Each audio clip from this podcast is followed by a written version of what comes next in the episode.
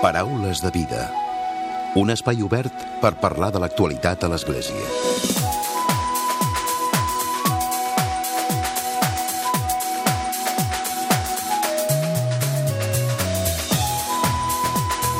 Què tal? Salutacions i molt bon dia, molt bon diumenge. L'islam avui, alguns aspectes controvertits. Aquest és el títol del nou llibre de Dolors Bramont. Ella és molt coneguda per tots nosaltres, és doctora en filologia semítica i en història medieval i professora mèrita d'estudis àrabs i islàmics a la Universitat de Barcelona. En aquest nou llibre, Bramont clarifica, ens clarifica conceptes i aspectes de l'islam que molt sovint acabem, acabem veient als mitjans de comunicació barrejats barrejats amb estereotips que no tenen res a veure i que generen molta controvèrsia. En definitiva, Bramont torna a fer pedagogia sobre una tradició religiosa poc coneguda a la nostra societat contemporània, tot i que en parlem molt sovint. El llibre, editat per Fragmenta, també parla de la situació de la dona a l'islam, la violència o la separació entre religió i estat. De seguida, saludem Dolors Bramont.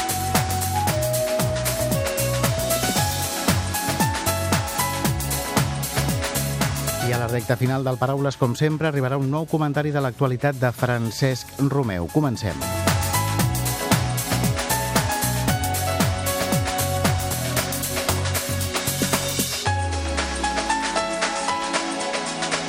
I donem la benvinguda, Dolors Bramont. Hola, bon, bon dia. dia. Gràcies. Benvinguda novament al Paraules de Vida, que crec que havies, ens havies acompanyat sí. en una altra ocasió. Una ja té certa edat. Parlem de l'islam. Quan parlem de l'islam, en general, hi ha molta ignorància a la societat? Jo crec que, desgraciadament, massa. El pitjor, a vegades la gent li costa caure, és que ens creiem que l'islam és un tot monolític i no ens n'adonem que hi ha tants islams com musulmans el practiquen. Uh -huh. Això el cristianisme ho pot saber molt bé. Jo hi escrivia precisament un article que el vaig titular El bisbe que s'aldàliga i l'islam. I vostè em dirà, què té que veure? Doncs té que veure, perquè jo explicava, o intentava explicar, que cada islam, cada persona, cada musulmà, té el seu islam, l'entén com Déu li dona a entendre, si és que li dona a entendre, però, i que és molt divers. De la mateixa manera doncs, que el bisbe Casaldàliga doncs, s'assemblava molt poc la seva conducta doncs, amb altres bisbes que tenim més propers geogràficament encara que sigui. I és veritat, això ajuda potser que la gent entengui que no hi ha un islam, és un conjunt de persones que fan el que poden el que millor saben i, i per... que hi ha, que no, hi ha qui no sap gens. I sempre ens quedem uh, amb estereotips i amb un islam negatiu. Massa negatiu i no s'ho mereix. Vull dir, no, l'islam és una religió tan seriosa com ho pot ser una altra. Llavors la culpa és dels mitjans de comunicació directament no, o de qui és la culpa? La culpa és de la ignorància general eh, que tots tenim. És a dir, aquí hi ha una ignorància i una supèrbia occidental, mira que ho dic amb, taxativament, que ens creiem els reis del mambo i no, no ho som. I aleshores eh, sempre el de casa és lo bo, i el de fora és lo dolent. I, lo, I el que passa, sí que els mitjans tenen una part de culpa, només una part, i és que quan hi ha bones notícies referides al món de l'islam, doncs no es recorda potser que és islam o no es publiquen, mentre que quan hi ha una notícia que crida l'atenció... Allò que als periodistes ens interessa, no? Del... Eh, llavors surt l'islam. Jo sempre, si em permet, posava classe, i poso, doncs imaginem un titular de diari el catòlic Videla era responsable de tantes morts i, de, i de desaparicions? No, dèiem el dictador Videla mentre que quan és... És molt clarificador, eh? aquest exemple. Mentre que quan és islam, doncs, el musulmà, el país islàmic tal. No, vull dir, el senyor Franco, per exemple, que no gaudia de les meves simpaties, va afirmar algunes coses teòricament catòliques, però que no estaven en el món del catolicisme, i ho firmava en un despatx on hi havia el braç de Santa Terra, de Santa Teresa, incorrupta, que ja sé on ha anat a parar, eh, per cert. Sí. Perdoni que me'n vaig de, me'n vaig de lo que vostè em vol preguntar, no. però m'interessava saber on havia anat a parar la relíquia. Oh. Era dels mercedaris i està en el convent de mercedaris de Ronda. Mira, doncs ja, ja ho sabem Ho vaig també. preguntar amb molt interès. Ah, ah. Doncs parlem, eh, Dolors... Eh, Perdona, eh? Sobre... No, no, no. Eh, parlem de, dèiem, d'aquesta ignorància que hi ha, per exemple, i el, i el que és la, la part més de mitjans de comunicació. Fins i tot amb la terminologia, la fem servir correctament? Perquè ara que es parla, per exemple, del jihadisme, de la jihad, aquí, per exemple, crec que ens equivoquem també. Ens equivoquem i molt, i a vegades, o més sovint, la terminologia que utilitzem no és innocent. Això és el que a mi crec que és greu. La frase aquesta de que la terminologia no és innocent és de Pierre Vilar, eh, d'un historiador que va morir fa molt i que era molt bo. Jo li vaig copiar i l'estic utilitzant. Eh, per exemple, bé, diem jihad, sí, però no sabem què vol dir si es mira el Diccionari de la Llengua Catalana publicada per l'Institut d'Estudis Catalans el 2007, sí que se sabrà, però els mitjans solen parlar-ho en femení, la jihad, amb la qual cosa sembla que estan pensant en Guerra Santa, i Guerra Santa és una expressió catòlica, més que catòlica va- vaticanista. L'islam no té aquest concepte. Potser ara ja el té, perquè Occident és tan poderós que igual li hem, li hem fet entrar... Jo no ho he vist escrit en àrab, eh? Guerra Santa no ho he vist. Això no treu que algun musulmà ho pugui utilitzar.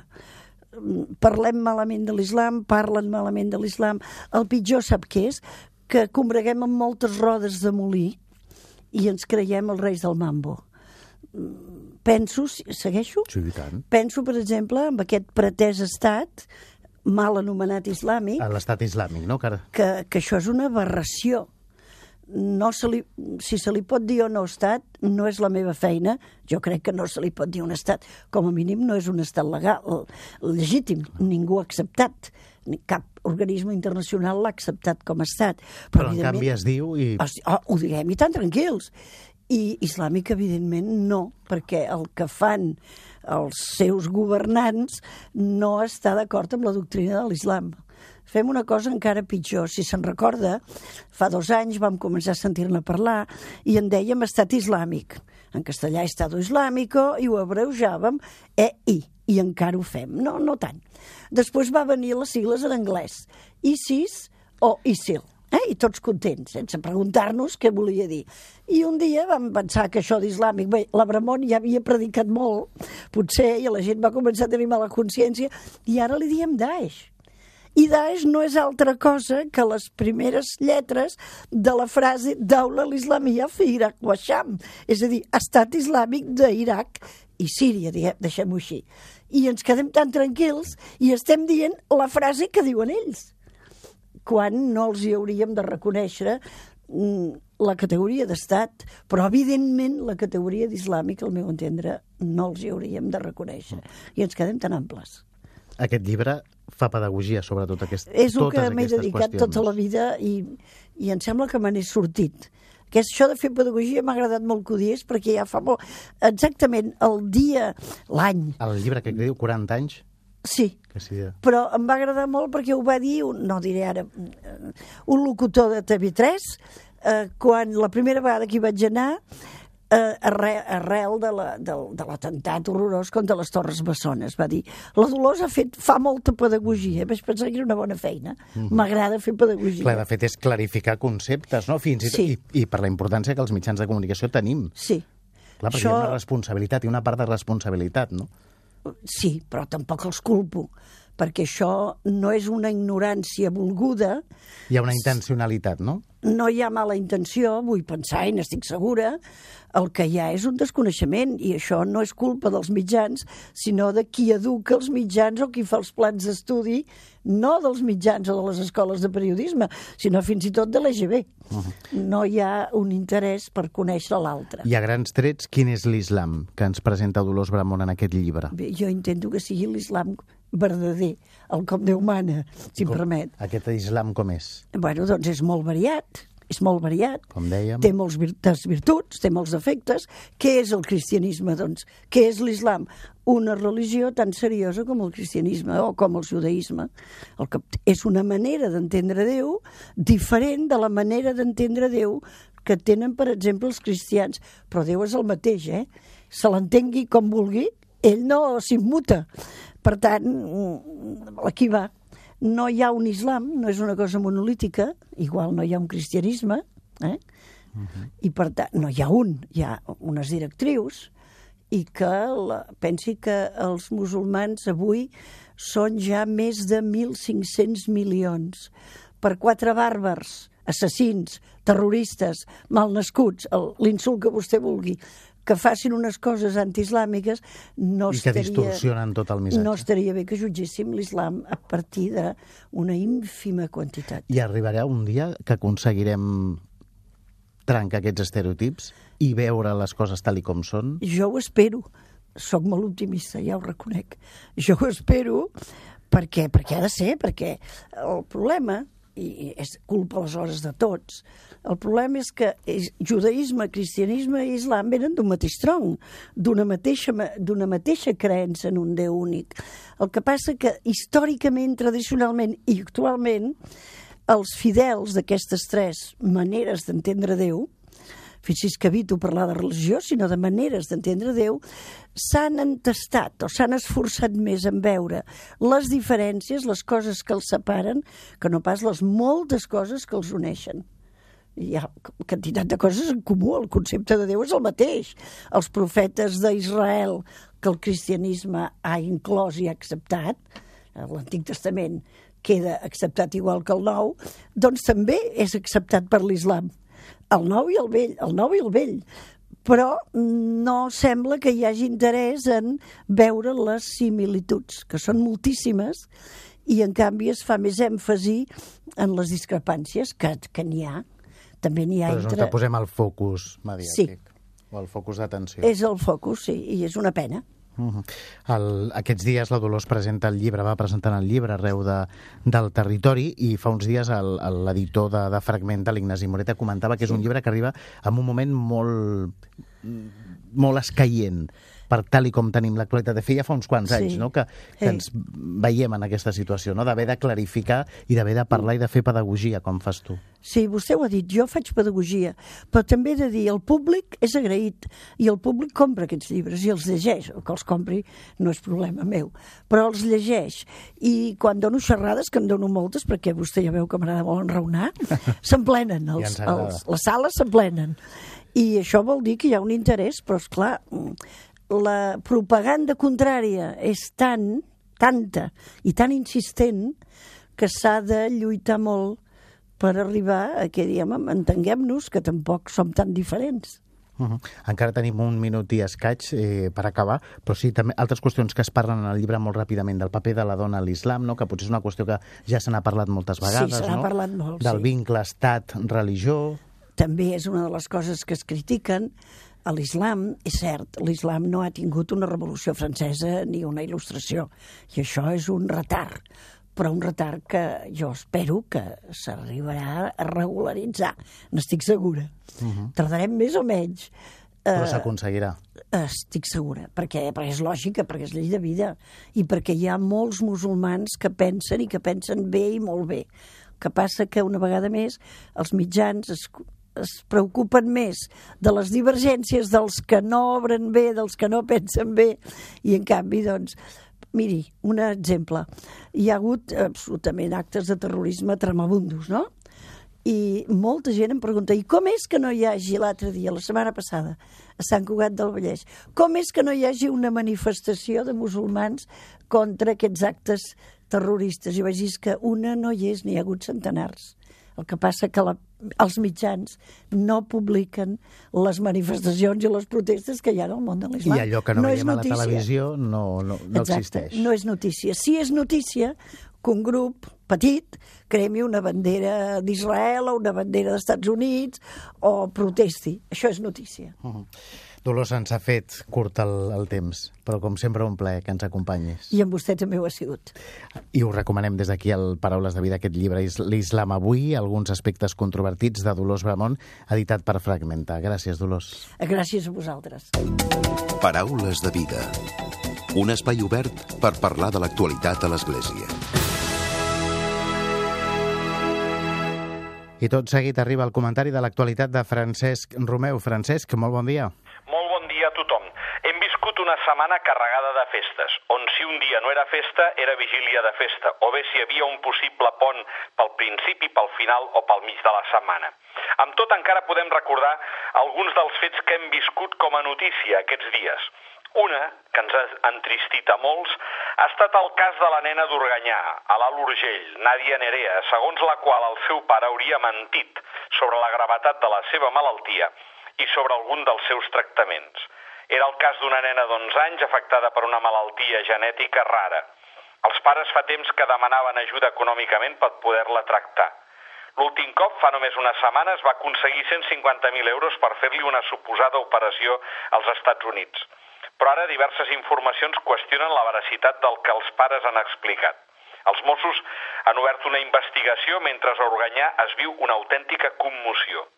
Molts veïns d'aquest poble, de 800 habitants de l'Alt Urgell, que s'havien abocat a recollir fons per una campanya benèfica en favor d'una nena malalta i en perill de mort, ara se senten enganyats i traïts després de conèixer les presumptes irregularitats del cas. Alguns dubten de la finalitat dels diners recaptats i d'altres, en canvi, no s'acaben de creure que tot sigui un engany de la família. Tot plegat es tem que aquesta confusió posi en dubte altres associacions que també recullen diners amb finalitats solidàries. El poble sempre, a, partir d'iniciatives privades, s'ha mobilitzat a organitzar actes com una subhasta que ara s'ha suspès. Aquests dies, pel poble tampoc s'ha vist gaire els pares, que regenten una botiga de vins. Segons amics de la família, el pare malalt fins i tot ha estat ingressat a l'Hospital de la Seu. Els Mossos d'Esquadra han obert una investigació sobre l'origen i el destí de les donacions que han arribat fins a l'associació Nadia Nerea per a la tricotio distròfia. La investigació s'ha obert després que han aparegut informacions que qüestionen la gestió que els pares han fet dels diners rebuts. De fet, ningú ha pogut comprovar que el metge que encapçala l'equip que hauria d'operar a la Nàdia a Houston, el doctor Brown, vinculat a la NASA i als guanyadors del Nobel de Medicina del 2013, segons explicava Fernando, el pare de Nàdia, existeixin de veritat. A mi, aquesta notícia em sap greu pel poble d'Organyà, que s'havia mostrat tan solidari amb aquest cas particular, sentint-se'l gairebé com a propi, i em sap greu també per les persones que per culpa d'aquesta història, hi ha molts pròxims a les festes de Nadal, desconfiaran ara de tot cas de necessitat que se'ls hi presenti i decidiran no ajudar mai més a ningú. És per això que vull recordar també que el passat dilluns 5 de desembre va ser el Dia del Voluntariat, un dia de reconeixement i de promoció d'aquelles persones que dediquen les seves qualitats i el seu temps als altres d'una manera total i absolutament altruista. Podem dir que aquesta figura ha esdevingut un dels signes dels nostres temps i, sobretot, en la mesura que amb l'aparició d'un gran nombre de gent necessitada o vulnerable ha fet augmentar també, per sort, el nombre de persones que d'una manera altruista es volen dedicar total o parcialment als altres. I em refereixo a gent de totes les edats, i aquí hi trobem tant joves decidits i compromesos com gent gran que disposa de temps, potser per una jubilació anticipada, i de coneixements que ha adquirit al llarg de la seva vida professional. Amb aquest motiu, per exemple, diumenge passat es va reunir a Manresa una seixantena de voluntaris amb uns personatges famosos del voluntariat, com són el Pare Manel i Sor Lucía Caram. Els dos religiosos van dialogar sobre el voluntariat, destacant els valors de la generositat i el compromís. Alguns dels assistents van a la presó dels lledoners, altres acompanyen a malalts d'Alzheimer o són col·laboradors de la Fundació Rosa Oriol. Sor Lucía Caram i el pare Manel van remarcar el valor social que té la generositat i el compromís de les persones que, sense esperar res a canvi, regalen el seu temps a les que més ho necessiten. Justament amb aquesta finalitat, l'Ajuntament de Manresa ha posat en funcionament una pàgina web que es diu Regala Temps, on les entitats fan crides al voluntariat i la gent que ho vulgui ser pot informar-se de les necessitats que hi ha. No està malament, seria un bon exemple a seguir. Molt bon diumenge a tothom.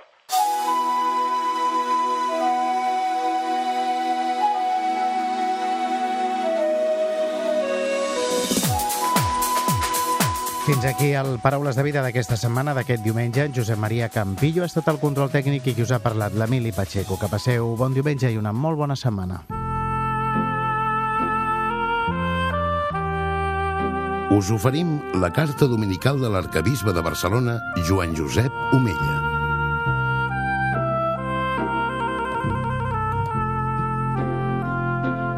Déu vos guard. En els darrers anys es parla de la crisi que patim considerant de manera exclusiva les conseqüències econòmiques, com l'atur generat, el rescat del sistema bancari, etc. Avui vull parlar de l'home, de la persona, i ho faig seguint la línia medular que vertebra al millor de la doctrina social de l'Església. Parlar de la crisi des de la perspectiva de l'home no és evadir-se de la realitat i encara menys camuflar-la. És anar al centre de la crisi que al meu entendre va més enllà de l'economia i les finances.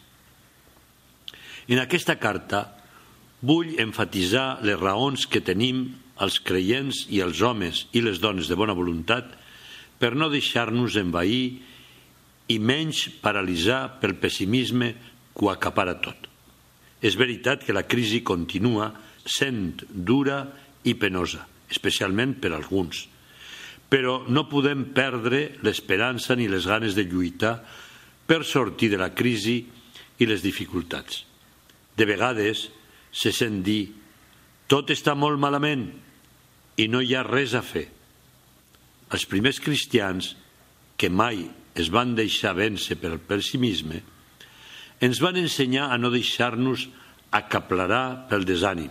Sí, els veritables seguidors del Mestre, en tots els temps, circumstàncies i llocs, han viscut amb força i energia tres actituds que el papa Sant Joan Pau II va proposar en la seva exhortació pastoral Eclésia in Europa, en concret en els números 3 i 4 les faig meves i us les proposo perquè aconseguim estar a l'alçada de les circumstàncies en aquests temps difícils.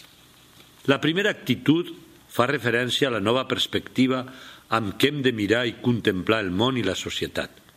Una mirada positiva que no és excusa per no reconèixer les ombres, els errors i els pecats del nostre temps, però que alhora ajuda a reconèixer, a valorar i potenciar el que hi ha de positiu en el cor i el cap de les persones i també en la història que ens toca viure.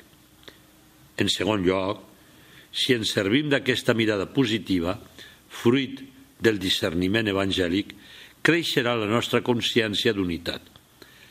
Cal dir clarament que no hi ha res pitjor i més destructor que la divisió, la desconfiança i l'aïllament. Només es pot construir des de la unitat i des de la comunió. Per als creients és quelcom innegociable que no hi ha caritat i amor allí i només allí hi ha Déu. Finalment, la tercera actitud que ens, se'ns exigeix avui és una gran dosi d'esperança. Sense esperança no es pot evangelitzar. I nosaltres, els cristians, no podem oblidar que som al món per evangelitzar, per donar raó de la nostra fe, de la nostra esperança, per canviar el nostre món i fer-lo més fratern i més habitable. El missatge de Jesús és un missatge d'esperança. Si nosaltres no vivim l'esperança que es fonamenta en la presència del ressuscitat, què anunciem llavors? Com podran els homes i les dones del nostre temps, els nostres familiars, amics i companys de feina, acceptar el nostre missatge? Acabo la meva reflexió d'aquesta setmana fent-me i fent-vos la pregunta següent. La nostra actitud, en lloc de la condena i denúncia permanent, no hauria de ser la de reconèixer, valorar i estimular els valors positius que trobem al nostre entorn, com és important la qualitat de la mirada. Tant que quan va acabar la creació del món i de l'home, Déu va dir tot això era bo. Quant de bé ens farà aquesta mirada de Déu tot i que sabem que aquesta mirada positiva i agraïda no pot impedir que siguem realistes. És important no perdre-la i fer-la créixer en la nostra vida. Benvolguts germans, que Déu us beneixi a tots. Us hem ofert la carta dominical de l'arcabisbe de Barcelona, Joan Josep Omella.